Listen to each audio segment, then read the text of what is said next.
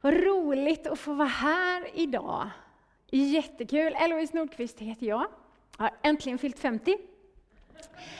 Eh, sen är jag pastor, jobbar i Pingstkyrkan i Helsingborg sen sex år tillbaka och trivs jättebra med det. Jag tänkte att jag skulle vara lite personlig. Det brukar jag vara. Den som har hört mig innan vet att jag brukar hamna där. Men idag vill jag ändå ta med lite grann av, av min resa de senaste veckorna.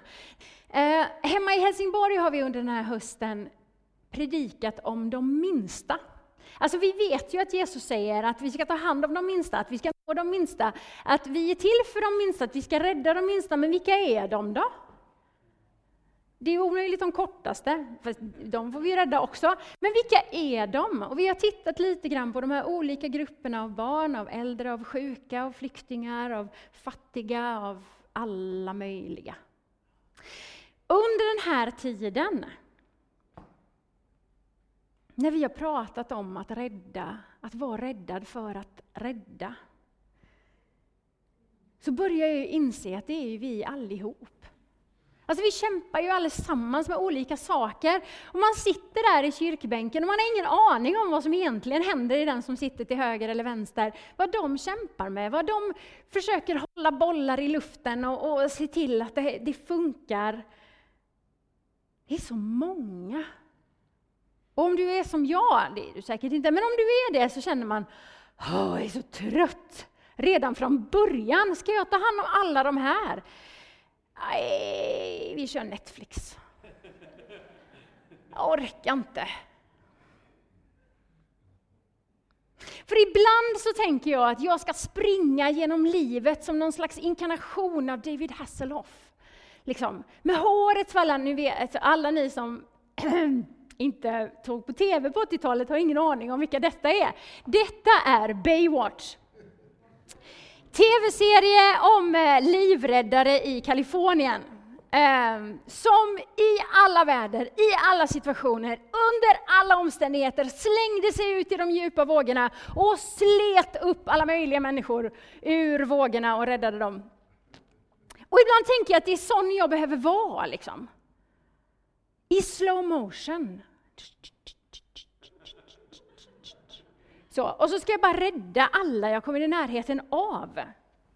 Och det värsta är att jag inser att jag ganska ofta står med det här gänget istället. Åskådarna.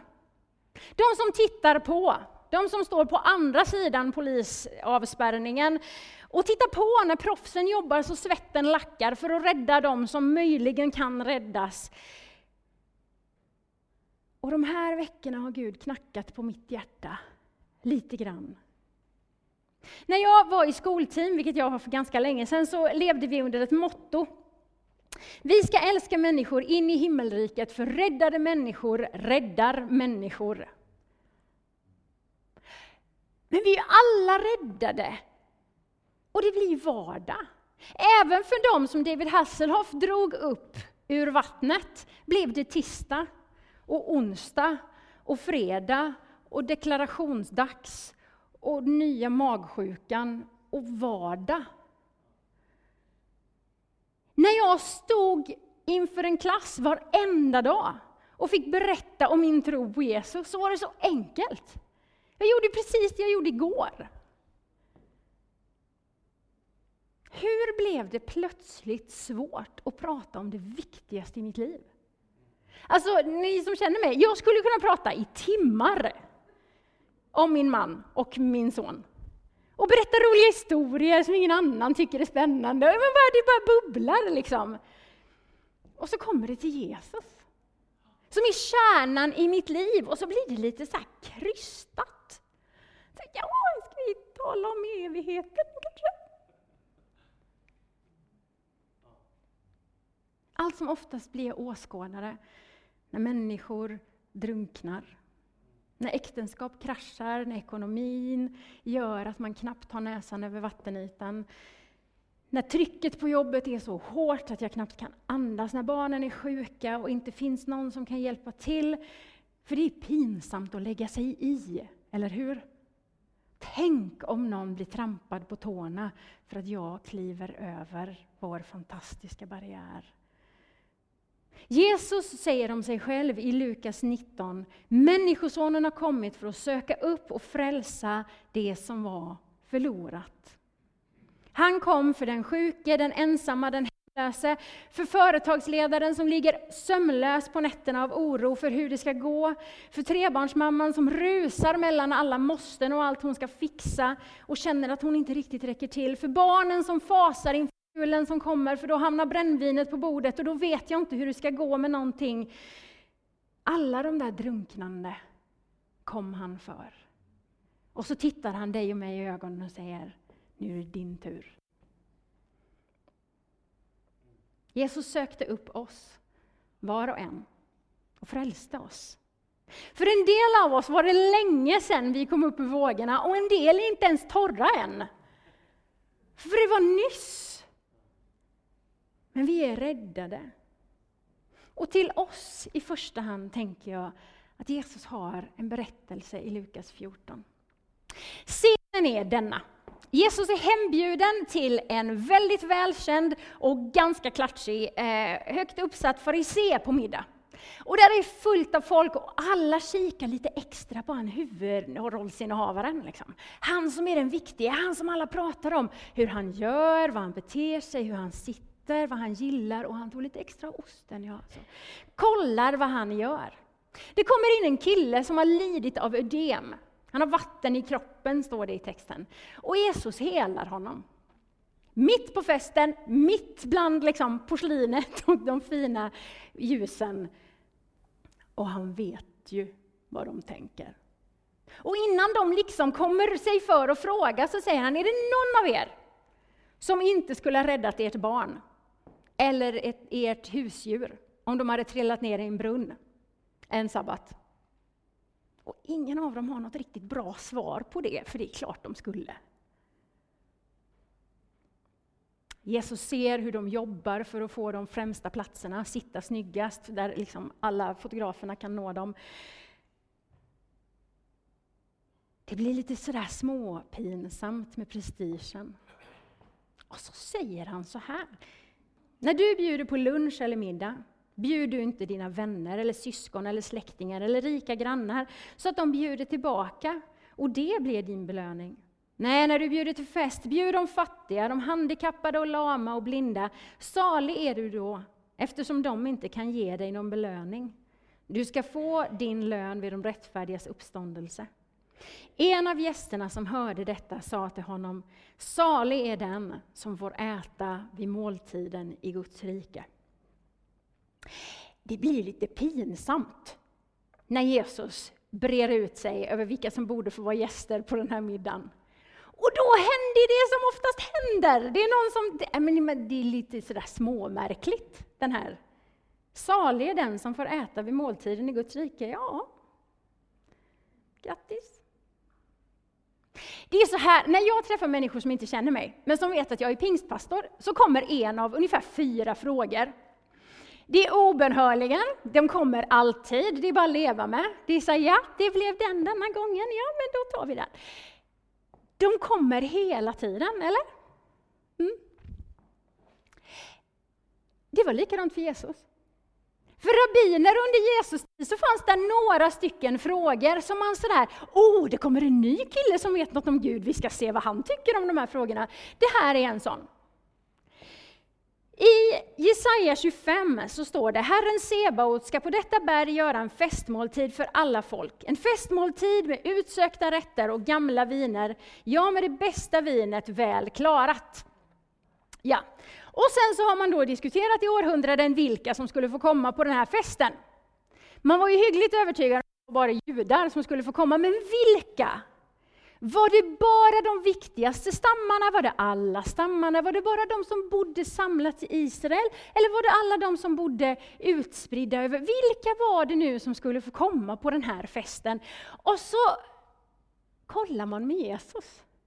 Som sådär alltid är utanför boxen, som alltid har något annat svar att komma med. Vi ska se vad han tänker, vilka han skulle bjuda in på den här festen han kanske har en ny vinkling på det här. Och så kommer denna underbara liknelse. Och jag måste få poängtera att en liknelse är en berättelse som poängterar en viss sak. Alla liknelser innehåller inte alla himlens hemligheter. De illustrerar en poäng. Jesus sa till honom, en man ordnade en stor festmåltid och bjöd många. När tiden för festen var inne sände han sin tjänare för att säga till de bjudna, kom, nu är allt färdigt. En man bjöd till en stor fest. En riktigt stor fest. Ni vet festernas fest. Den där banketten som man kanske är på en gång i hela livet. Nobelmiddagen. Ditt bröllop kanske? Någon annans bröllop? Det kanske var ett fest du var på som ingen tyckte att du skulle komma på, men du fick en extra inbjudan för det fanns en plats och helt plötsligt satt du där och visste inte riktigt hur det gick till. Du vet den här man, man nästan håller andan för att man ska välta något. En fest av de finaste sorterna. De som var inbjudna har vetat det länge. Frisyrerna är välstärkta. Kläderna är utplockade och strykta sedan länge. All mat är provbakad och stekt och lagad många, många, många gånger. Allting är redo. Det blir inte bättre än så här. Mästaren skickar ut sin tjänare för att berätta att nu är det klart. Maten står på bordet. Kom! Och då händer det här. Alla börjar ursäkta sig. Den första sa till honom, jag har köpt en åker och måste gå ut och se den. Jag hoppas du ursäktar. En annan sa, jag har köpt fem par oxar och ska ut och pröva dem, hoppas du ursäktar. En annan sa, jag har gift mig och därför kan jag inte komma. Tjänaren får en massa ursäkter. Jag är inte bonde, det är inte riktigt min grej. Men hur spännande är det att stå och titta på en åker? Hur länge kan jag göra det innan jag vissnar helt? I jämförelse med en bankett. Nummer tre är alltså absolut sämst någonsin. Är det någon som har träffat en fru som inte vill gå på party? Någonsin! Jag är ledsen, jag måste stanna hemma med min fru. Hon ska slått dig med en kavel. Hon vill ju gå hit. Det är dåliga ursäkter, riktigt lågt dåliga ursäkter. Och jag tänker, vi kanske känner igen oss lite till mans, kanske inte i, min fru vill inte gå på fest, men Ja, men ni vet, man har bjudit hem folk, man har dammsugit alla hörnen, man har ställt i ordning alla böckerna, man har fixat lite extra och gjort det sådär, mm, det ska bli så kul. Och här kommer det folk, och så ringer de och bara ledsen. Grabben är maginfluensa, vi kan tyvärr inte komma. Hej. Hej. Nej, men vi tar det någon annan Luften går lite ur.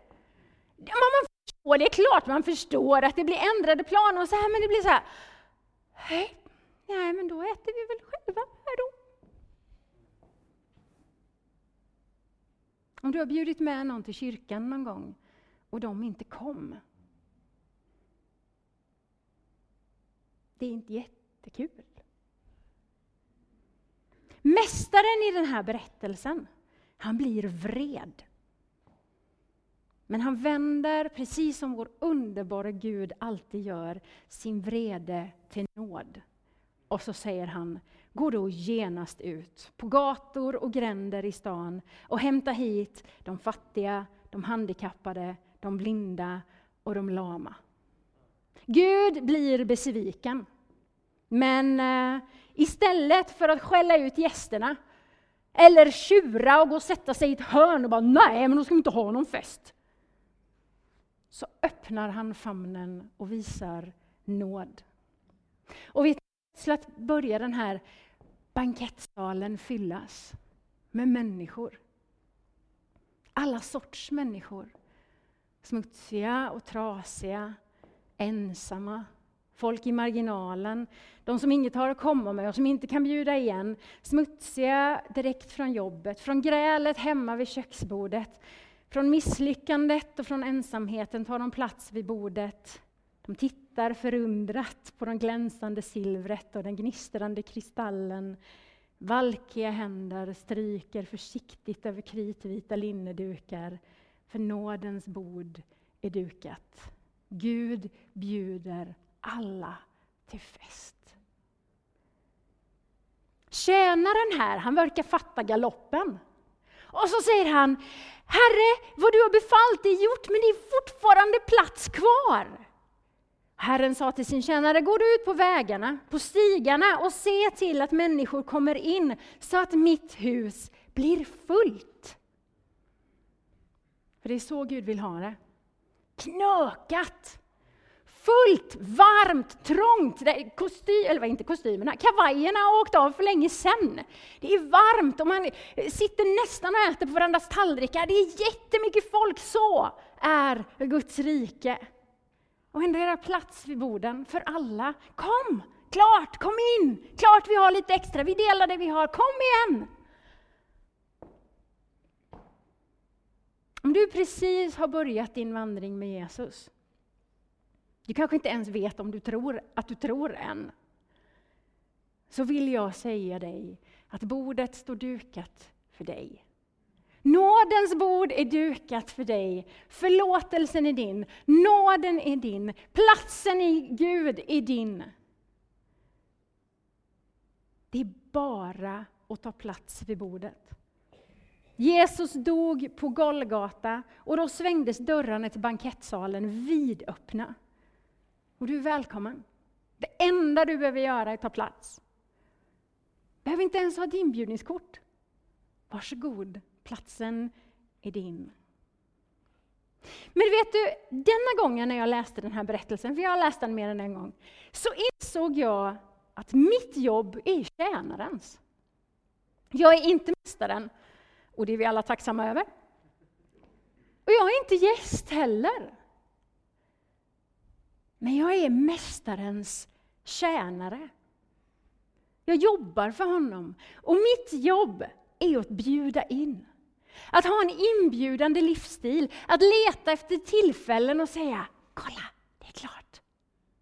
Att öppna, att glänta på dörren, att slå den upp med vid gavel ibland. Att se de minsta av oss från min innersta cirkel i familjen, bland vännerna, bland de som jag har absolut närmast på jobbet. Ja, men ni vet, kontoret bredvid, som undervisar i klassrummet bredvid. De här som vi möter.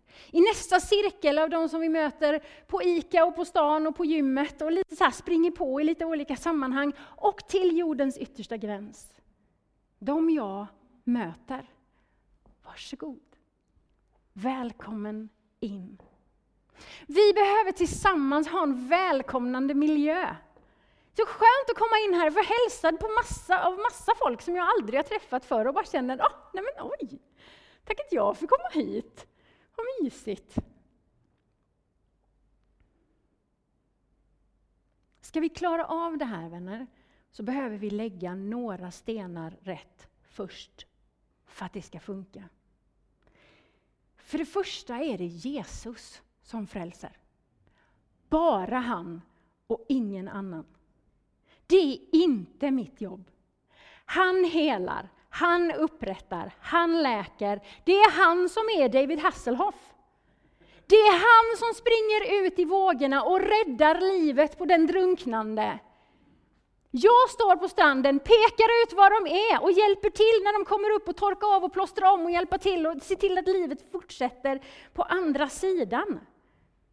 Jag måste också lita på att den helige Ande gör sitt jobb. När jag är där, när jag finns och när jag har sagt hej, att han börjar jobba på det som finns i människors hjärtan. Mitt jobb är inte att argumentera folk in i hiket, utan att dem. Att stå kvar. Han överbevisar om synd, rättfärdighet och dom. Det är inte mitt jobb. Inte alls. Jag står kvar och reflekterar den som är Kristus in i människors liv. Det är mitt jobb. Öppna möjligheter. Bjuda in. Att starta samtalet. Det händer säkert aldrig dig, men det händer mig ibland när någon blir sjuk och man hör talas om det. Och min första tanke är, då kanske jag skulle erbjuda mig att be för henne. Och i ungefär samma hundradel sekund så tänker jag, men tänk om inget händer då? Vad ska de tänka om mig då? Och i mina lite mer helgade stunder, vad ska de tänka om Gud? Gud behöver inte något försvar. Gud behöver inte det. Han är kungars kung, han är herrars herre, han har full kontroll över varje människa i hela sin skapelse. Mitt jobb är att be, hans jobb är att hela. Och den arbetsordningen kommer inte att förändras. Någonsin. Vilket gör att du behöver inte ta ansvar för det som är hans jobb. Om en människa säger nej tack till Jesus, så är det mellan dem och Gud. Det ligger inte på dig. Ditt jobb är att säga välkommen. tror också att vi skulle behöva göra vår, vår eh, miljö lite annorlunda. Jag tänker att man börjar lite tidigare i processen. Ibland så hör vi vittnesbörd, eller vill man prata med varandra och då, då berättar jag att jag bjöd in den och den och han kom och nu är han döpt och frälst och är med i äldstekåren. Den berättelsen är jätterolig att berätta. Så träffade jag en pastor som, som sa att nej, nej, nej, vi börjar långt, långt tidigare. We celebrate the ask.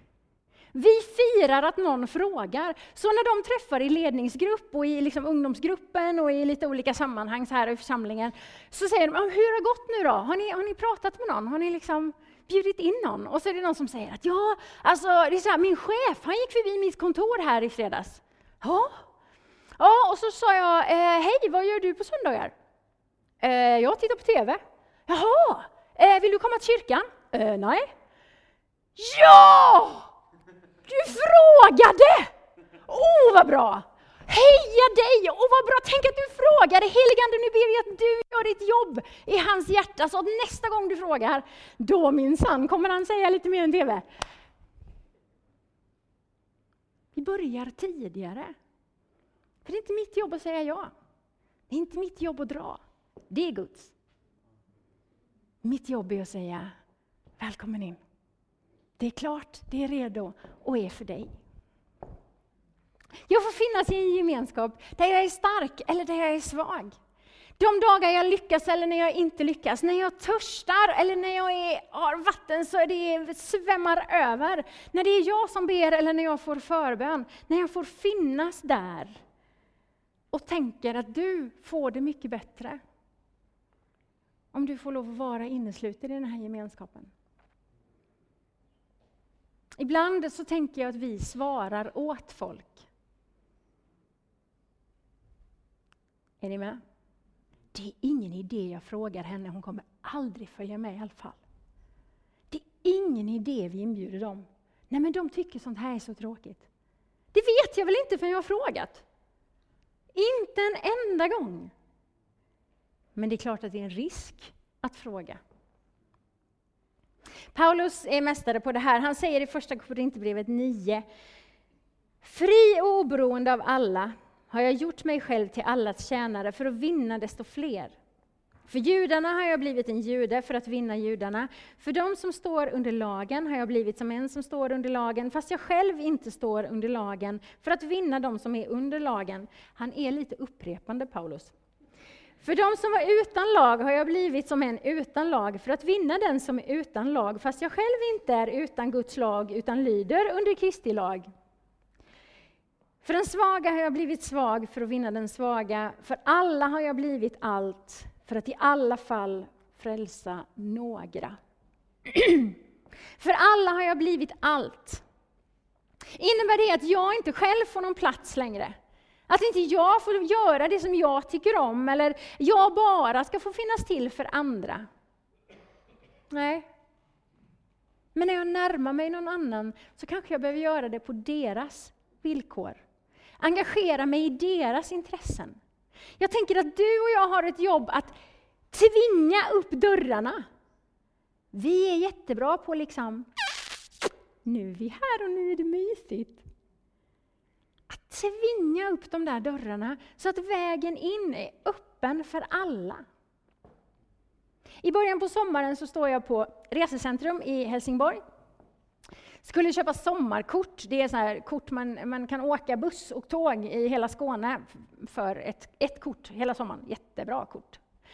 Jag skulle köpa ett sånt för vi skulle dra igång eh, sommarkul. Vi är ute på eh, fem, sex olika lekplatser eh, en dag i veckan. Så, och så är vi där och leker med barnen och, och latchar med dem och bygger lite relationer. Och så här. I de här tuffa områdena där de liksom inte tar sig någonstans under sommaren så är vi där under juli månad. Jag var där eh, tillsammans med min lille grabb och i kön framför mig så stod det en kille i MFF-tröja. Ber om ursäkt för det, men han, han stod där. Han hade en son i Eriks ålder och de precis som barn började liksom leka. De hade, den ena hade något tecknat djur på sin tröja och den andra hade något som de kände igen och började prata. Och, så här. och vi gjorde det som föräldrar alltid gör, att istället för att prata med varandra så pratar jag med Erik om dem. Nej men Erik, vad fin eh, bil den lille pojken hade, jag undrar om hans pappa köpte den till honom. Skulle ju kunna prata med grabben som står precis bredvid. Men ja, så här. Och till slut blev jag bara trött på mig själv. Um, jag kan ingenting om fotboll. Inte ett dyft. Ni som tror att jag överdriver, fråga min man. Alltså jag skulle kunna öppna det här samtalet med att fotboll är världens tråkigaste sport. Det är totalt slöseri med tid.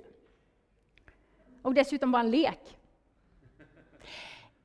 Eller så tänker jag, det här är en av Jesu älskade barn som behöver få veta att han är inbjuden till festen. Han är dyrbar i Guds ögon. Och då kanske jag vågar ställa frågan, vem är din favoritspelare? Och hoppas att han nämner någon jag vet vem det är. Vilket inte är så många. Men Zlatan går ju ofta hem liksom.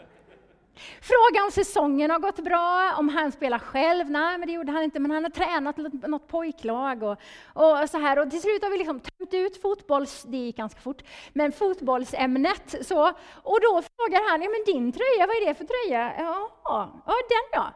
Eh, det står sommarkul på den, Pingstkyrkan. Eh, ja, vi är så här, vi är på lekplatser och leker med barnen här under sommaren, de som inte har någonstans att ta vägen. Så.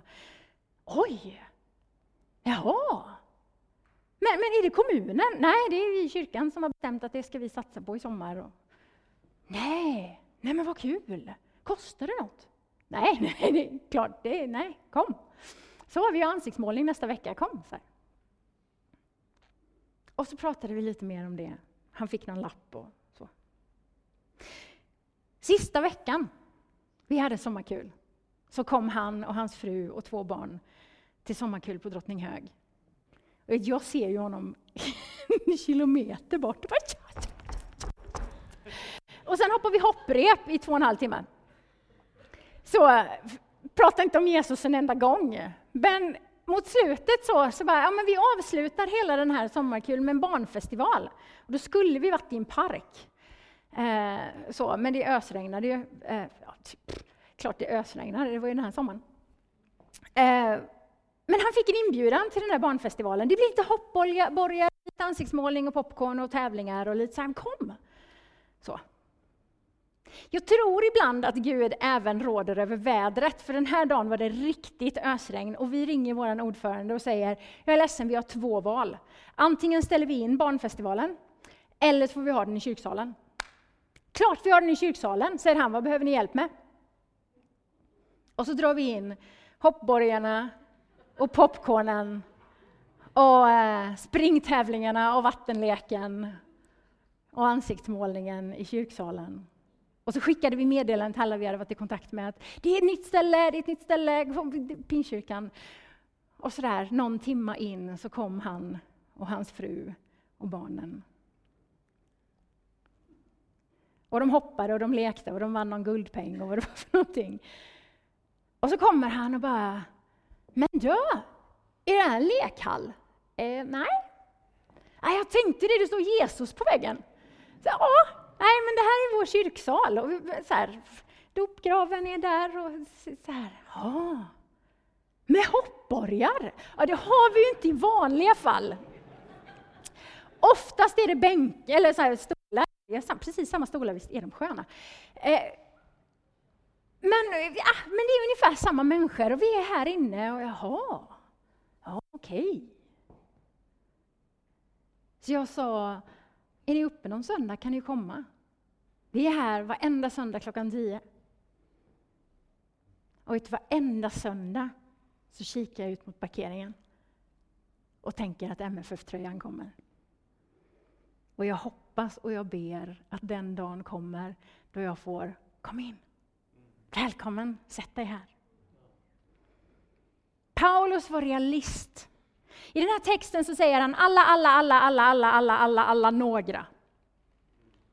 Han är allt för alla för att kunna vinna några.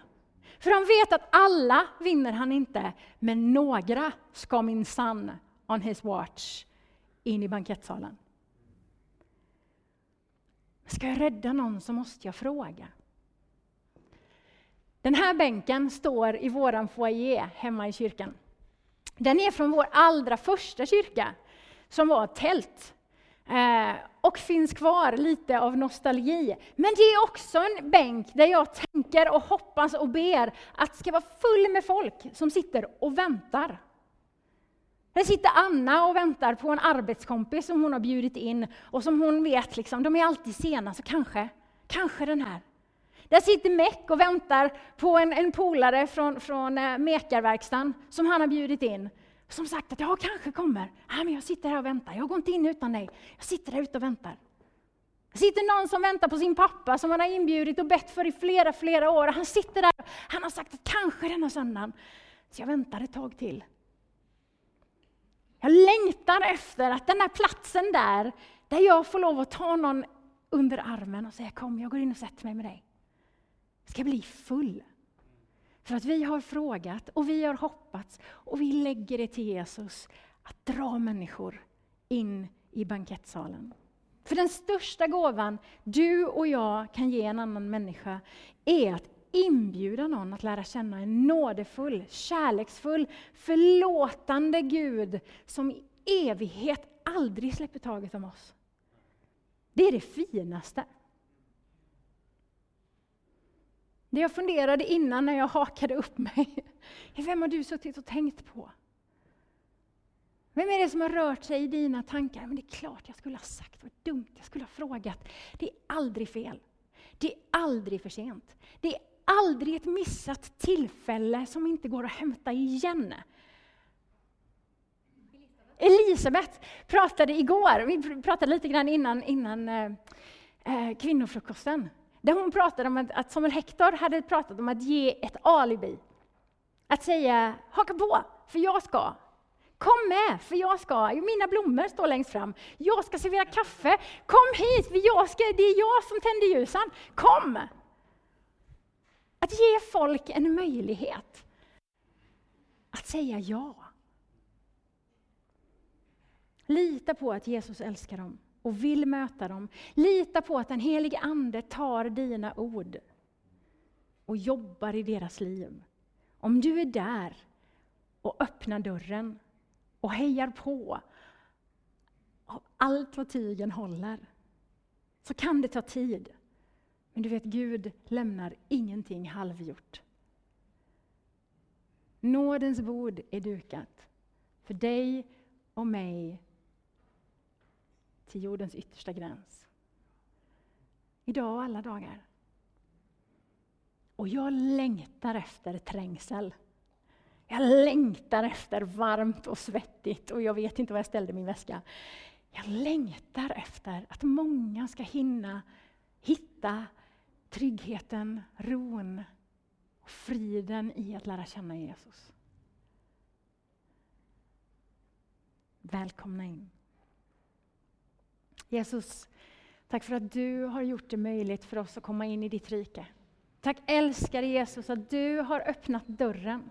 Att du gick till Golgata kors, att du led och du dog för att vi skulle få leva, Herre. Jesus, tack att du har gett oss liv och liv i överflöd. Och Herre, det här överflödet det vill vi dela med oss av. Vi vill att andra människor som hungrar, och som törstar, och som kämpar och som drunknar ska vara räddade. Herre, du har räddat mig och jag behöver få rädda. För att din kärlek är nog för oss allihop. Herre, vi ber om frimodighet och mod i våra liv. Att våga ställa den där läskiga frågan och göra det som du gör bäst. Hälsa, rädda, hela, upprätta och ge ett helt nytt liv i evigheternas evighet. Herre, kom och rör vid våra hjärtan. Låt oss inte stå bland åskådarna längre, Herre, utan låt oss vara med i teamet som räddar de drunknande. Amen.